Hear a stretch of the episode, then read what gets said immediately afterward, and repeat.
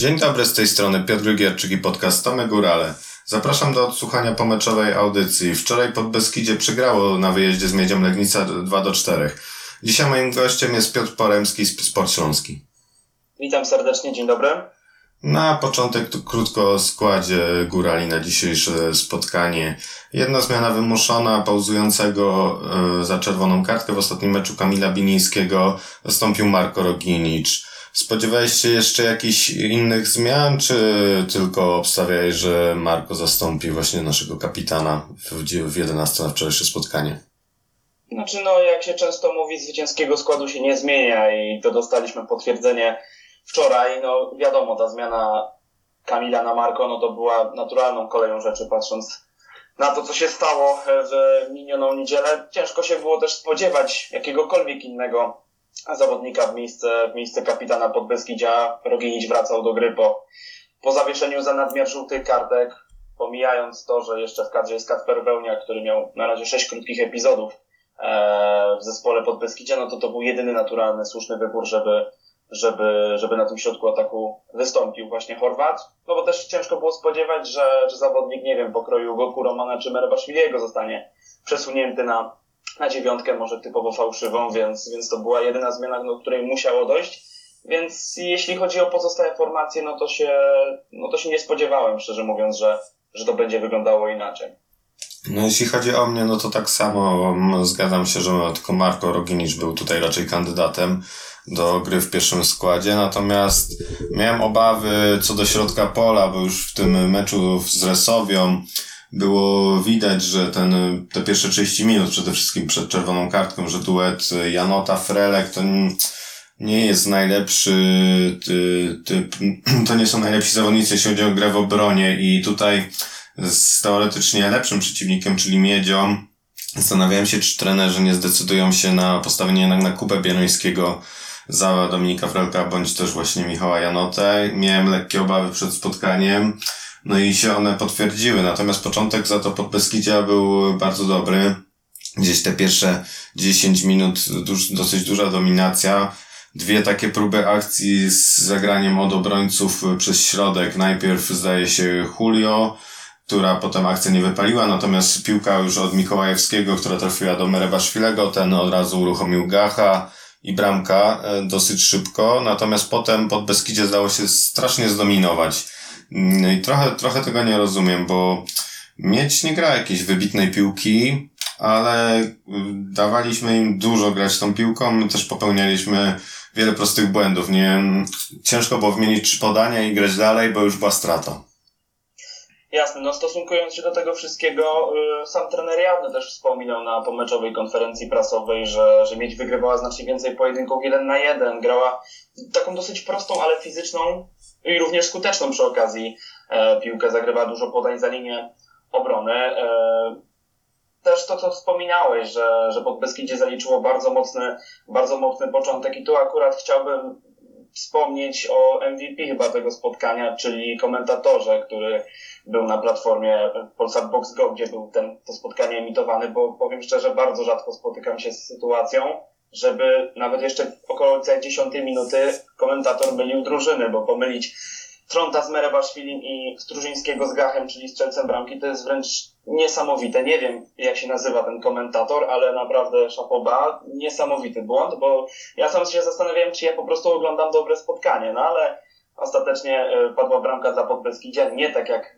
uważał komentator dla, dla Miedzi. No sama akcja bramkowa to naprawdę, myślę, naprawdę trzeba Podbeskidzie pochwalić, bo e, bardzo dokładne podanie ze strony Merbaszwiliego do, do Kacpra Gacha, uderzenie przy, przy dalszym słupku i myślę, że akurat ta akcja jest chyba jednym z niewielu pozytywów, jeśli, jeśli można powiedzieć e, o Podbeskidziu w kontekście pierwszej połowy e, spotkania. Później też, tak jak zresztą już e, wspomniałeś, drużyna Podbeskidzia dała się dosyć mocno zdominować. Nie wiem, czy to nie były trochę takie demony przeszłości, bo często było tak, że Podbeskidzie po strzeleniu gola, przykładowo jako pierwsze na, na 1-0 dosyć często, choćby w rozgrywkach ekstraklasy, e, dosyć często oddawało pole gry e, rywalowi, no i niestety e, to, się, to się zemściło. No i potem Miedź przejęła inicjatywę i właściwie przez takie nasze proste błędy, jak ten w 16 minucie, no nie dojrzałem, e, który to zawodnik pod Beskidzie stracił piłkę, natomiast potem ten wślizg Julio Rodrigueza, no zupełnie niepotrzebny, było widać, że jest spóźniony i mieć ostatecznie wychodzi z, już praktycznie w nasze pole karne e, z kontrą 4 na 2, no gdzie praktycznie no, tylko dzięki im możemy dziękować, że już wtedy nie straciliśmy bramki, było lekko niedokładne podanie, co zaowocowało nieczystym uderzeniem, które wybronił Polaczek. No natomiast już 10 minut później padła pierwsza bramka dla Legniczan. Tutaj moim zdaniem największy błąd Michała Janoty, który jednak z, razem z Dominikiem Frelkiem powinien być ty, tymi pomocnikami, którzy jednak trochę muszą zabezpieczyć też tyły, a on wyszedł do pressingu, jakby grał na pozycji powiedzmy Merebaszwilego z tego meczu. Przez to powstała straszna dziura w, w środku pola. Mieć, gdy zagra piłkę do swojej prawej strony, to właściwie lekko truchtający frelek niedaleko tam któregoś zawodnika i tylko od, linia piątki obrońców była, no z którą po prostu Gutowski zawężył, tam wcześniej też na prawej stronie Gach nie dobiegł do przeciwnika, no i padła bramka dla Legniczan. To tak troszeczkę, zwie, troszeczkę zwiastowało tym, że pod Beskidzie ma problemy w tym meczu, ale że może, może po tej straconej bramce się obudzą. No natomiast niewiele o tym świadczyło. Później jeszcze świetne wejście Gacha i, i bardzo niecenny strzał Goku z 16 metra. No nie powinno mu się aż takie pudło zdarzyć. No i to jest chyba jedyne, co możemy jeszcze pozytywnego zapamiętać z pierwszej połowy. No myślę, że jeszcze w kontekście tej bramki na, na jeden do jednego wspomniałeś o zachowaniu Kacpra Gacha. No było widać, że przy tym zagraniu, gdy, gdy właśnie zawodnik Midzi otrzymał piłkę na prawej stronie boiska, no też był spóźniony. I tu wychodziły takie braki właśnie w kontekście e, Kacpra Gacha, które, które wahadłowemu jednak no nie mogą się, nie mogą się przydarzać. Rozmawiałem właśnie ostatnio z Konradem Butowskim, który wspominał, że kluczowe właśnie w pozycji wahadłowego jest najpierw uzupełnianie defensywy, a później dopiero jakieś bardziej odważniejsze y, próby ruszenia do, do ofensywy. I Gachowi absolutnie nie można odmówić tego, że w tej ofensywie się pokazywał dobrze. Zresztą o tym świadczy e, strzelona bramka, więc tutaj trzeba mu oddać e, no, to, że jednak tam się faktycznie pokazywał, nawet ta akcja, gdy, gdy zagrywał piłkę do Romana. Natomiast no jednak w defensywie było widać częste, częste spóźnienia, jednak braki w kryciu i no i to uwydatniło się choćby przy tej właśnie sytuacji e, sytuacji bramkowej. No później jeszcze sytuacja przy golu na 2 do 1, no też myślę bardzo bierna, bardzo bierne ustawienie e, defensywy pod Beskidzia. Też tutaj taki mały kamyczek do ogródka mimo wszystko trzeba wrzucić Polaczkowi, który jednak no wypluł piłkę dosyć, w mojej opinii dosyć pozornie prostej sytuacji, później wrzucona piłka, można bardzo dosyć ostrego kąta przy, przy golu na 2 do 1, no i wtedy już Strużyński, yy, tak jak już niby miał strzelić przy, na 0 do 1, no to teraz już umieścił piłkę faktycznie w bramce, no i wynik 2 do 1 dla Miedzi e, na zakończenie pierwszej połowy, no myślę, że no ile ten początek spotkania po stronie Podbeskidzia był naprawdę mocny i mogli tutaj kibice oczekiwać, że, że pójdą Bielszczanie za, za ciosem, no to później jednak myślę, że można całkowicie uznać, że ten wynik był, był zasłużony. Tak, no ta druga bramka dla Miedzi to jest dla mnie kuriozum przede wszystkim dwóch piłkarzy. Julio Rodriguez, który no zbyt dużo piłek w tym spotkaniu grał górą w stronę Marco Roginicza. Teraz zdecydował się na podanie praktycznie pomiędzy trzech zawodników z Legnicy po ziemi w stronę właśnie Marco. No, to było, to nie miało prawa praktycznie przejść. Został wyblokowany przez nich. Drugim zawodnikiem, który no kompletnie zawalił w tej sytuacji był Kacper Gach, gdzie no rozpoczynaliśmy piłkę od linii bramkowej i on po prostu wybiegł gdzieś pod środkową linię boiska, dając możliwość zagrania tam piłki. Piłka została jednak rozegrana krótko do środkowych obrońców i akcja minęła gdzieś tam około 15 sekund, on cały czas był w tej strefie, no nie było to widać dokładnie, bo tak kamera akurat pokazywała, ale nie było go w tym obszarze, gdzie była rozgrywana akcja i później było widać z innej kamery, gdzie była już powtarzana bramka, że on cały czas tam jest pod tą linią środkową. Niezależnie od tego, czy piłkę y, straciliśmy, czy piłkę na chwilę przejął Marko Roginicz. No i tam powstała ogromna dziura na tej naszej lewej stronie no, nie było szans w ogóle tego załatać. Ja nie rozumiem tego ustawienia. Konrad Gutowski był dużo bliżej ustawiony tak, jak powinien być, natomiast Kacper tam wybiegł strasznie na tą stronę lewą. No i to piłkarze Miedzi bardzo dobrze wykorzystali. Natomiast ta druga połowa rozpoczęła się nieźle dla Podbeskidzia. Te pierwsze właśnie też 10 minut przyzwoite naprawdę. Widać było, że chcą się zrehabilitować. Nie było żadnych zmian w przerwie, co też mogło się wydawać lekko ryzykowne, bo jednak ten środek pola praktycznie nie istniał. Natomiast no, tylko niezły początek. Potem już tylko może z dwie, trzy okazje takie, ale bez jakichś groźnych uderzeń i dalej dochodzimy, yy, dajemy grać piłką miedzi. No i za bardzo nie możemy sobie stworzyć dobrych okazji.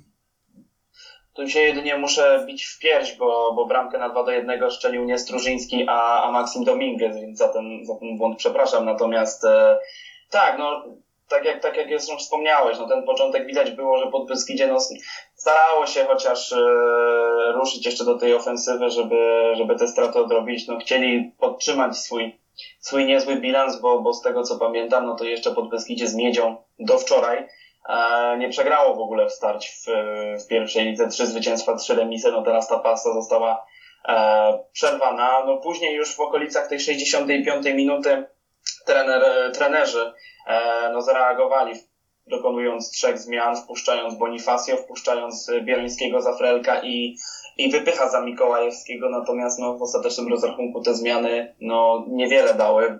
Próbowali coś, próbowali trenerzy zmienić obraz tego spotkania, natomiast jednak później e, dwie kolejne bramki, no i wynik, wynik niestety poszedł w świat, no i tu zaczęło się właściwie powielać to samo, co, co było w tej pierwszej części gry, czyli jednak dużo takiej nerwowości, sporo problemów z pressingiem przeciwnika, takie częste spóźnienia i braki w kryciu, no i też jest to, co, to, co, to, co wspominałeś, właśnie kwestia tej dziury w środku pola, że ten środek pola faktycznie nie, nie istniał i, i tak jak wielu mogło mieć pretensje do tego piłkarza w trakcie, w trakcie no, trwającej rundy jesiennej, no to jednak ten brak Matthew Scaletta, który no, ma jednak inklinacje bardziej typowo defensywne, jako typowa szóstka, no to takiego zawodnika no, zdecydowanie brakowało, bo, bo Michał Janota, e, no powiedzmy sobie szczerze, no, nie jest piłkarzem, który faktycznie mógłby się dobrze uzupełnić z Frelkiem jako taki typowy e, środkowy pomocnik. No, było właśnie widać kwestia, że, że niby musiał się poświęcić defensywie, no ale jednak tego,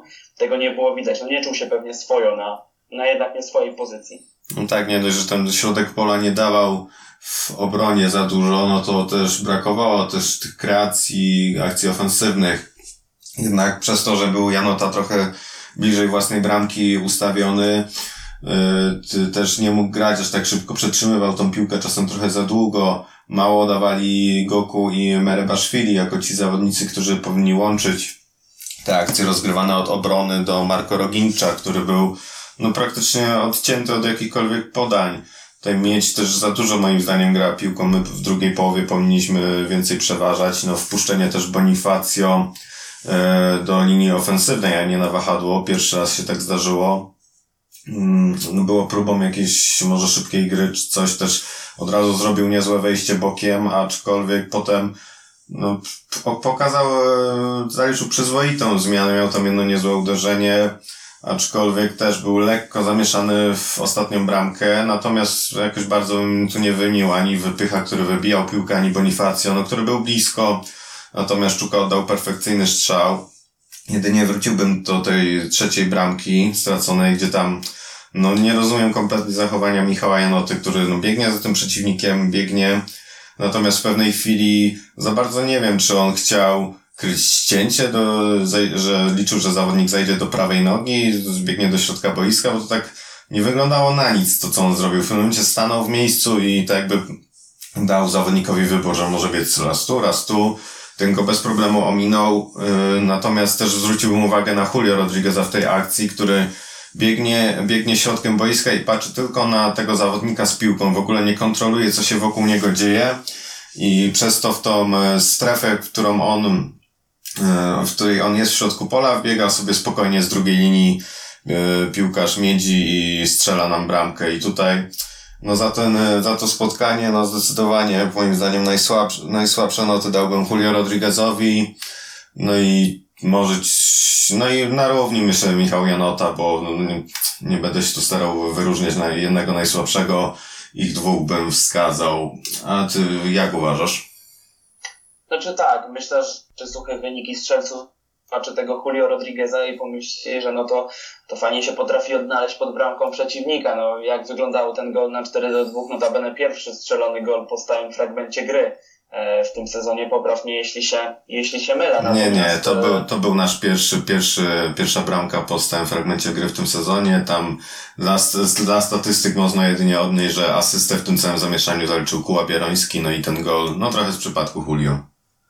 No, delikatnie mówiąc, tam było bardzo duże zamieszanie, natomiast y, no niestety, no widać, jeżeli dochodzi już do starcia z nieco silniejszym rywalem, no to będę bardzo też chimerycznym, bo mieć e, po mocnym początku sezonu złapała lekką zadyszkę, jedno zwycięstwo w ostatnich sześciu meczach, chociaż przeplatane zwycięstwem w Pucharze Polski, więc, e, więc jest to drużyna o naprawdę sporym potencjale, choćby to, który został uwydatniony poprzez takich zawodników jak Dominguez czy, czy Czuka, Natomiast no, kiedy już przychodzi do starcia z nieco, nieco mocniejszym rywalem, no to jednak ta defensywa pod Beskidzia jest w pewien sposób e, punktowana, tak jak to miało miejsce w przypadku Korony Kielce.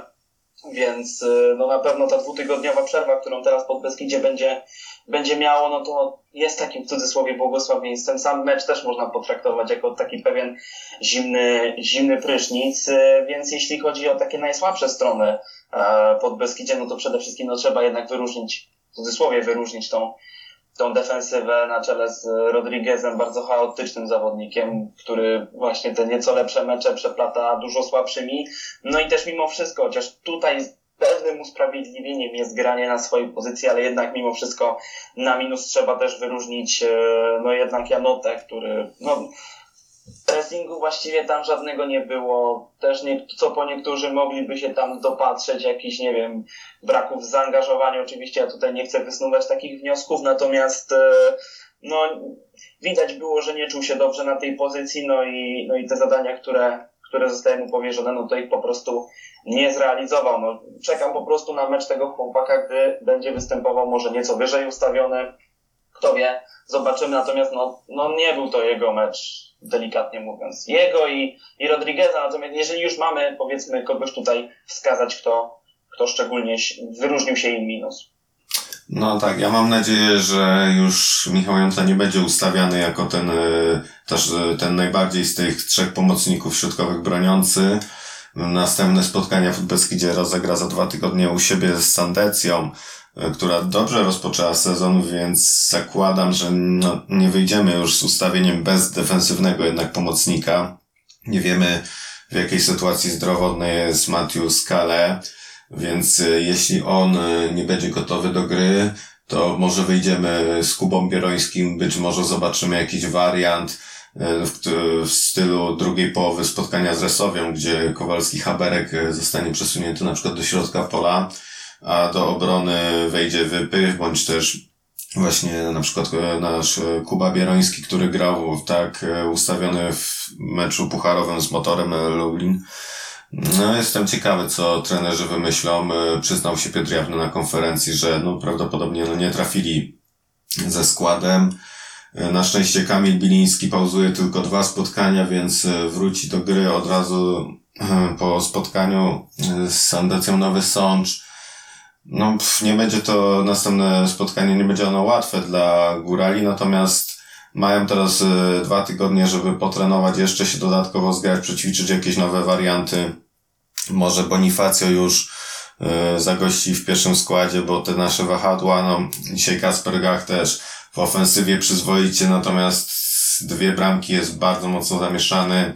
Konrad Gutowski, praktycznie anonimowe spotkanie jak dla mnie. No myślę, że możemy się spodziewać z trzech, około trzech zmian na najbliższe spotkanie. No myślę, że właśnie ta dwutygodniowa przerwa też dobrze, dobrze zrobi dla samego Bonifacja, o którym wspominałeś, bo jest to zawodnik, którego no, w ciemno można było się spodziewać, że prędzej czy później pojawi się w pierwszym składzie e, pod Beskidzia. Na razie do tej pory był wprowadzany głównie na, na tą lewą stronę na lewe wahadło w miejsce Kacpra Gacha, jeśli wchodził z ławki. Um, dzisiaj, znaczy właściwie wczoraj już został y, ustawiony nieco, nieco wyżej, natomiast jednak bardziej się spodziewam, że będzie ustawiony na, na wahadle i to jest akurat zmiana, której się, której się spodziewam, że, że ten zawodnik się, e, się pojawi w wyjściowym składzie w spotkaniu z Sandecją, bo na pewno trenerzy będą chcieli dokonać roszad w tej, w tej linii defensywnej, która z jednej strony się zgrywa, natomiast cały czas jednak popełnia, popełnia dosyć spore rażące błędy.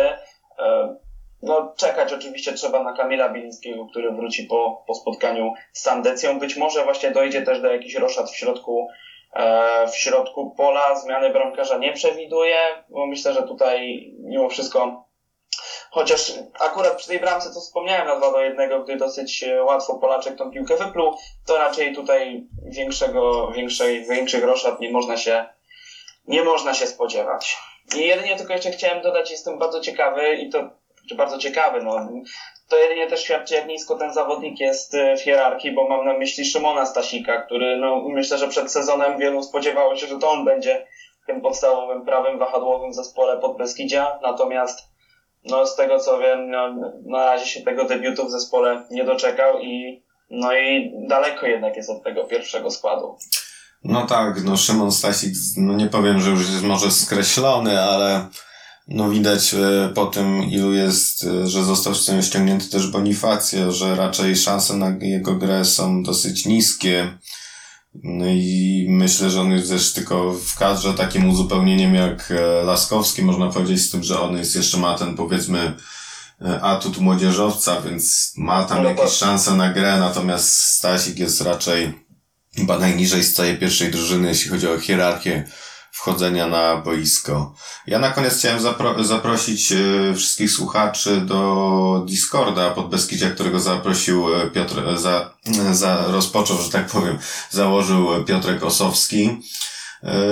Od kilku dni on funkcjonuje i naprawdę wczoraj mm, od razu na świeżo wymienialiśmy sobie opinię o spotkaniu.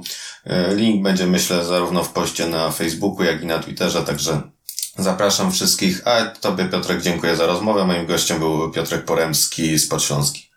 Tak, ja też zapraszam na Discorda, naprawdę bardzo żywa dyskusja. E, podczas wczorajszego meczu wiele kanałów tematycznych, więc, więc myślę, że każdy kibic pod Beskidzia coś e, znajdzie dla siebie. No a ja ze swojej strony dziękuję za zaproszenie. Dzięki.